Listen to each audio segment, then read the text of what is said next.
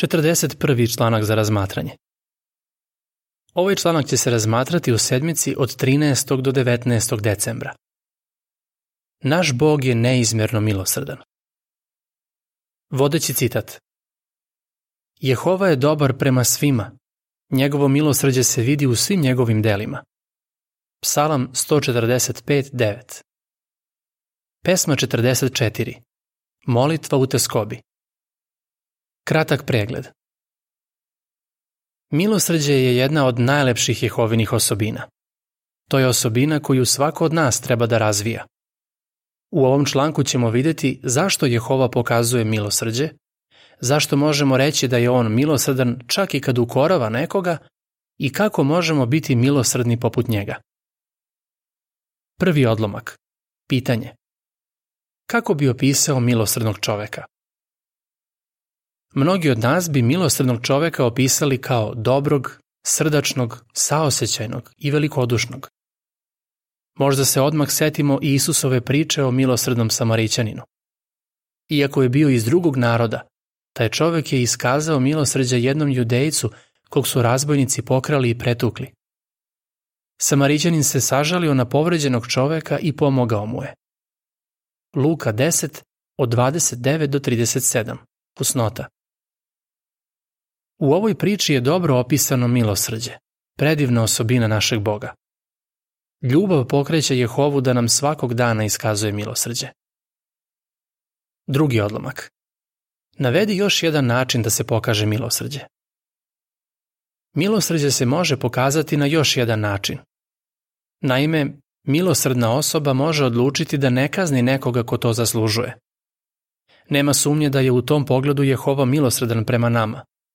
U vezi s tim, psalmista je napisao Ne postupa s nama po našim gresima. Psalam 103.10 Međutim, u nekim slučajevima Jehova može odlučiti da kazni nekoga ko čini greh. Treći odlomak. Pitanje. Na koje pitanje ćemo dobiti odgovor u ovom članku? U ovom članku dobit ćemo odgovore na tri pitanja. Zašto Jehova pokazuje milosrđe? Da li je moguće biti milosrdan, a ujedno odlučno preduzeti disciplinske mere? Šta će nam pomoći da budemo milosrdni? Pogledajmo kako Božja reč odgovara na ta pitanja. Zašto je Jehova milosrdan? Četvrti odlomak. Pitanje. Zašto je Jehova milosrdan? Ljubav pokreće Jehovu da bude milosrdan. Apostol Pavle je pod nadahnućem napisao da je Bog neizmjerno milosrdan. Govorio je o tome da je Bog ukazao milosrđe nekim nesavršenim ljudima tako što im je dao priliku da večno žive na nebu. Efešanima 2 od 4 do 7. Ali Jehovino milosrđe obuhvata više od toga. David je napisao Jehova je dobar prema svima. Njegovo milosrđe se vidi u svim njegovim delima. Psalam 145.9 Pošto voli ljude, on je milosrdan prema njima kad god ima osnova za to. Peti odlomak. Pitanje.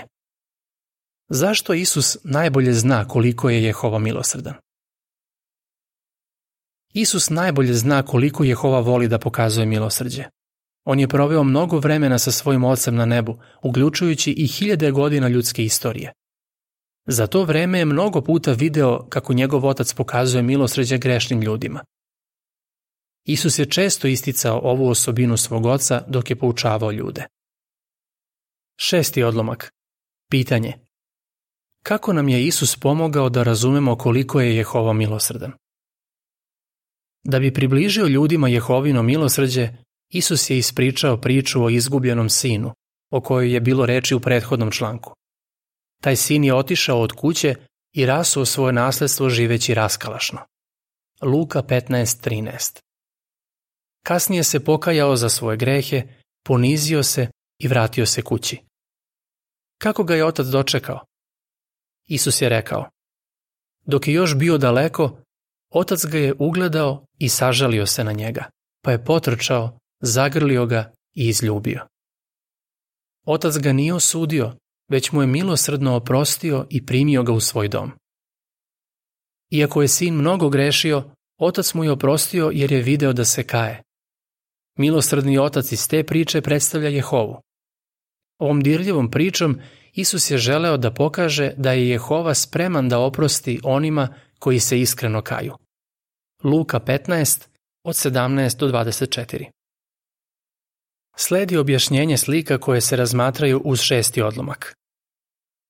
Kad je skrova kuće ugledao svog buntovnog sina kako se vraća, otac je požurio da ga dočeka. Tekst u slike glasi Otac nije osuđivao svog sina koji se kajao, već ga je srdačno dočekao. Sedmi odlomak. Pitanje. Zašto možemo reći da se u Jehovinom milosrđu ogleda mudrost? U Jehovinom milosrđu se ogleda njegova nenadmašna mudrost. Kad donosi odluke, Jehova uvek na umu ima dobrobit svojih stvorenja. U Bibliji piše da je mudrost od ozgo, puna milosrđa i dobrih plodova. Jakovljeva 3.17 Kao brižan otac, Jehova zna da na njegovu decu dobro utiče kad im pokazuje milosrđe.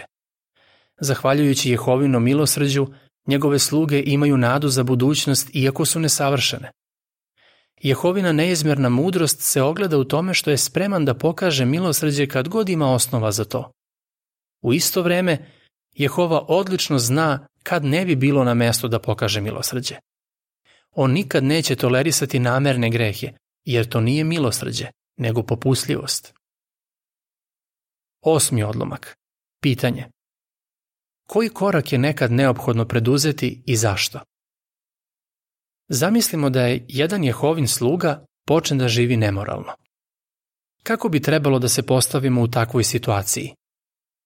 Pavle je pod Božim nadahnućem napisao da treba da prestanemo da se združimo s takvim osobama. Prestupnici koji se nekaju bivaju isključeni iz skupštine. Taj korak se preduzima iz poslušnosti Božim pravednim merilima, kao i da bi se zaštitila verna braća i sestre. Međutim, nekima je teško da na isključenje gledaju kao na izraz Božjeg milosrđa. Hajde da vidimo zašto se može reći da je ta disciplinska mera izraz milosrđa. Da li je isključenje izraz milosrđa?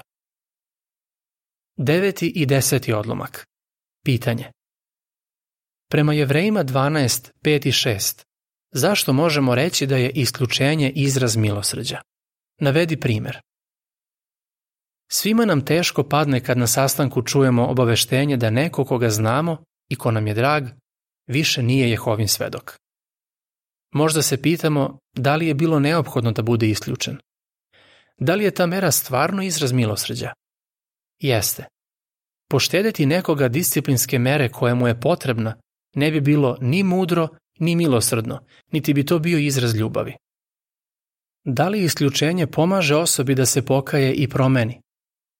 Mnogi koji su počinili ozbiljan greh rekli su da im je upravo to što su bili isključeni pomoglo da se urazume, promene i vrate Jehovi. U Jevrejima 12, 5 i 6 piše A zaboravili ste savet koji vam je kao sinovima upućen. Sine moj, ne pocenjuj Jehovine opomene i nemoj klonuti kad te ono pominje. Jer koga Jehova voli, njega ukorava, kažnjava svakoga koga prihvata za sina. Osmotrimo jedan primer koji će nam pomoći da to bolje razumemo. Recimo da pastir primeti da se jedna ovca razbolela. On zna da zbog toga mora da je odvoji od ostalih ovaca. One po prirodi vole da su u stadu i mogu se uznemiriti ako su odvojene od njega. Da li je onda okrutno što je pastir odvojio bolesnu ovcu od stada? Naravno da nije. Pastir zna da bi ona zarazila i druge ovce ukoliko bi ostala u stadu.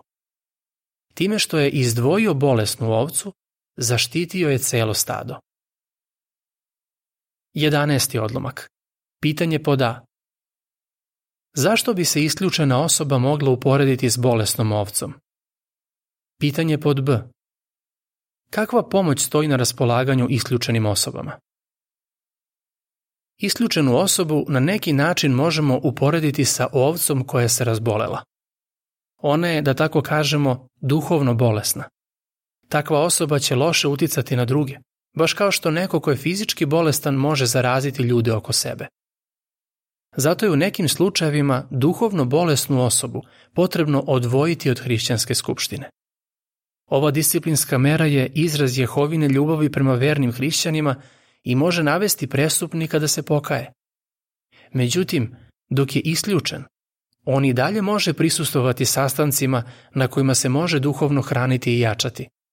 Osim toga, može da dobija literaturu za čitanje i proučavanje i da gleda naše mesečne emisije. Kad starešine vide njegov napredak, s vremena na vreme mu mogu dati neki savet kako bi mu pomogli da se duhovno oporavi i bude primljen u skupštinu.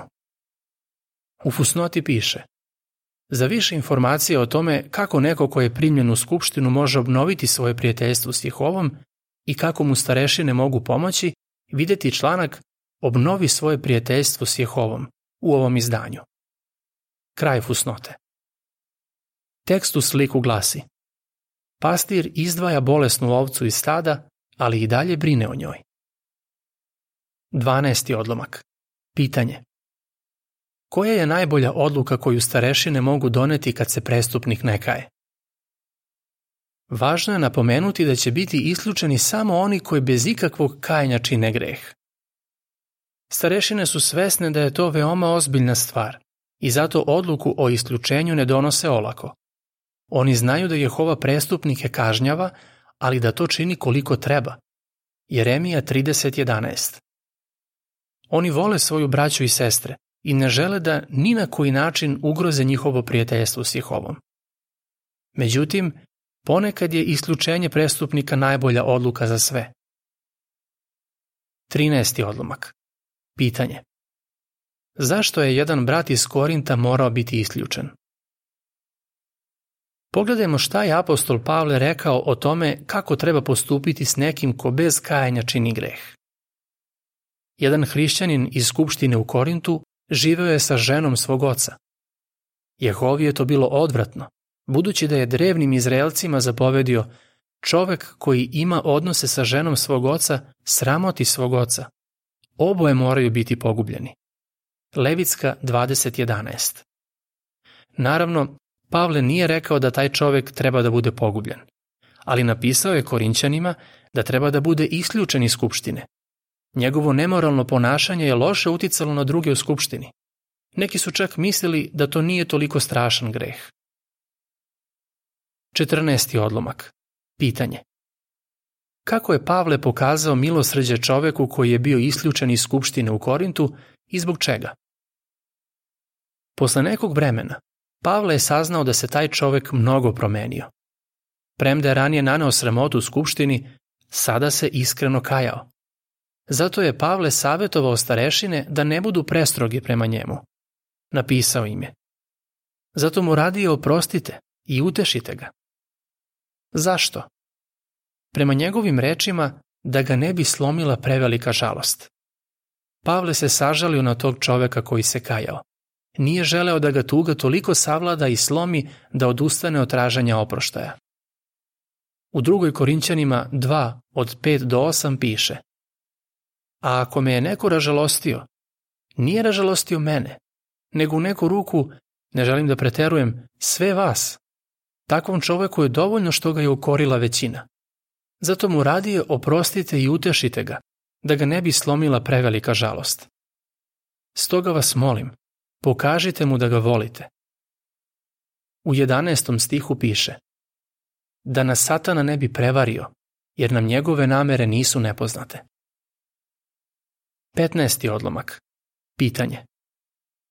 Kako starešine mogu biti odlučne i milosrdne u isto vreme?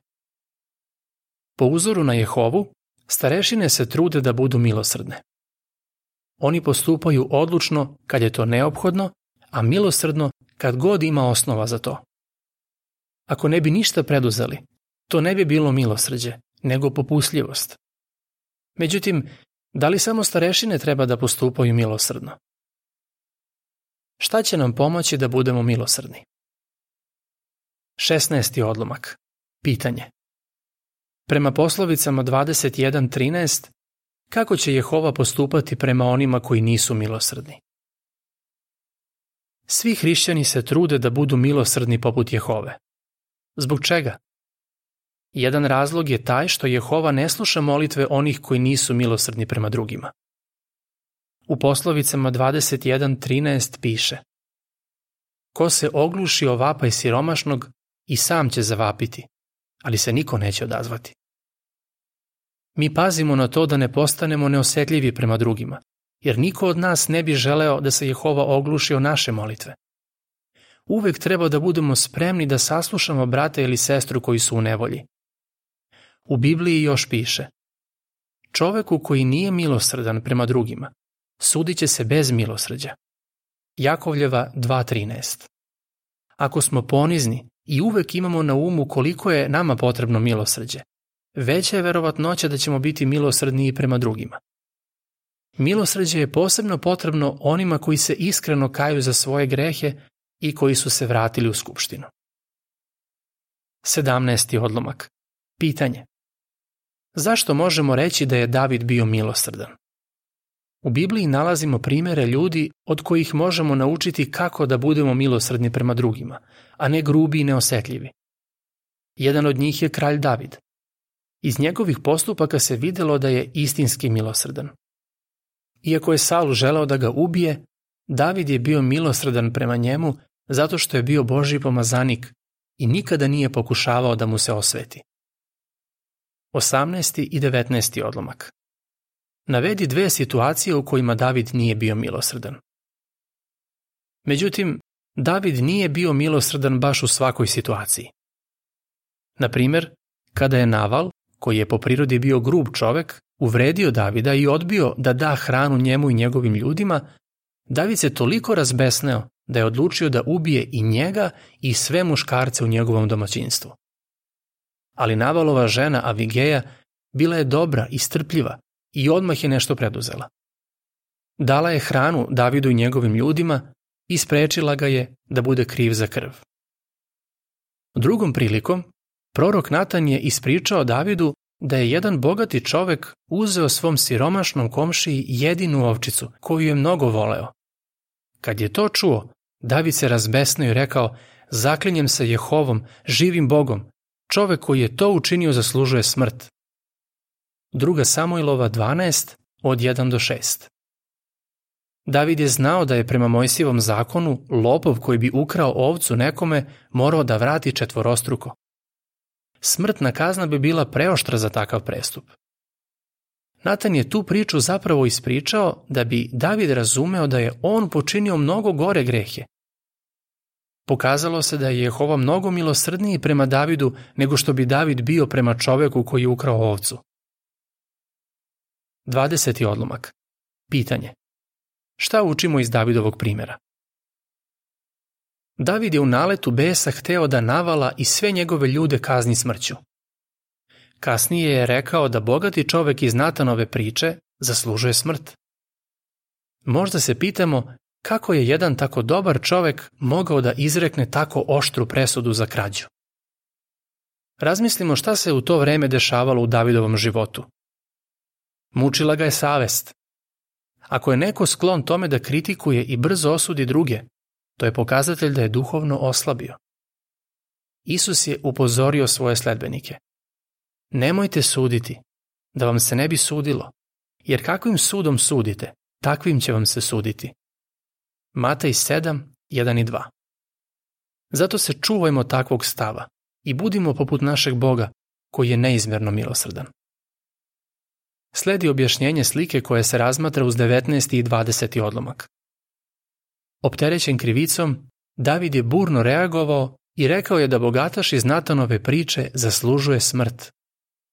Tekst u sliku glasi David je bio nemilosrdan prema čoveku iz Natanove priče. 21. i 22. odlomak.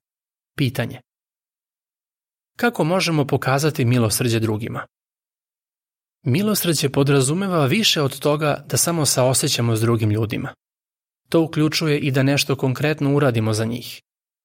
Potrudimo se da zapazimo kome je u našoj porodici, skupštini ili sredini potrebna pomoć. Sigurno ima mnogo prilika da budemo milosrdni. Da li je nekome potrebna uteha? Možda bi nekome značila neka praktična pomoć, da mu donesemo hranu ili da nešto drugo učinimo za njega.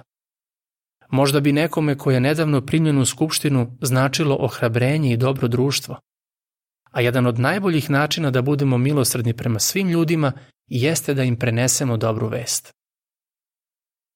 Ako razmišljamo o potrebama drugih, shvatit ćemo da ima mnogo načina da im pokažemo milosrđe. Ako tako postupamo, naš nebeski Otac će biti srećan, jer je On neizmjerno milosrdan. Kako bi odgovorio? Zašto je Jehova milosrdan? Zašto se može reći da je isključenje izraz milosrđa? Šta će nam pomoći da budemo milosrdni? Pesma 43. Molitva zahvalnosti. Kraj članka.